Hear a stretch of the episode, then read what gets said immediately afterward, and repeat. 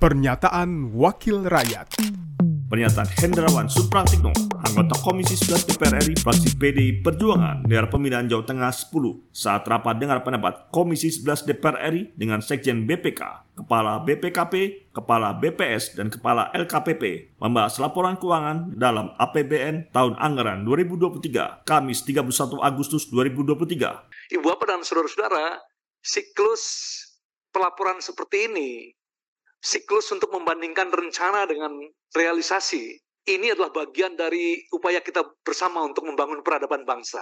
Laporan keuangan yang ditemukan oleh kita semua, banyak orang menganggap lemeh laporan keuangan.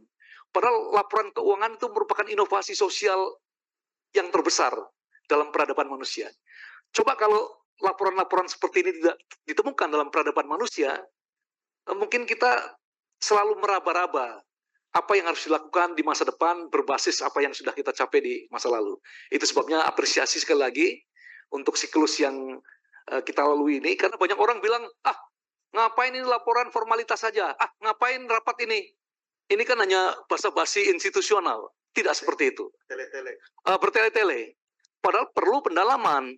Itu sebabnya dengan argumen seperti itu saya ingin yang bilang tadi jangan bertele-tele uh, ya ahli maraton kita, Pak Misbahun.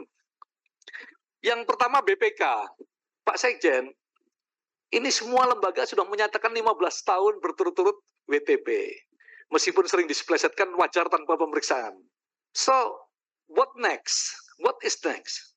Kalau semua WTP semua, saya pernah menantang Pak Sekjen dalam satu kesempatan, Pak Sekjen mungkin masih catat, saya menantang, mari kita buat kategori baru yang kurang lebih beyond expectation, beyond the call of duty. Dan lembaga-lembaga seperti ini hampir pasti tidak pernah akan menjadi sasaran OTT KPK. Karena apa? Tidak hanya memenuhi hal-hal yang sifatnya prosedural, tetapi juga dijamin kualitas substansinya.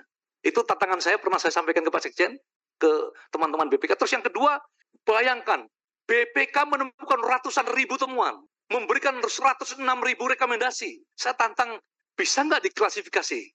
This is major finding, this is medium. Jadi ada kategorisasi. Sehingga kita bisa menerapkan manajemen by exception. Konsentrasi dan energi kita bisa difokuskan, dipusatkan, difokuskan untuk titik-titik yang paling menentukan. Sehingga kita tidak setiap tahun ratusan ribu rekomendasi, padahal hampir semuanya minor semua. Ya, mari kita tangkap dagingnya. ya, tangkap sumber-sumber pemborosan terbesar yang membuat bangsa ini tidak maju-maju.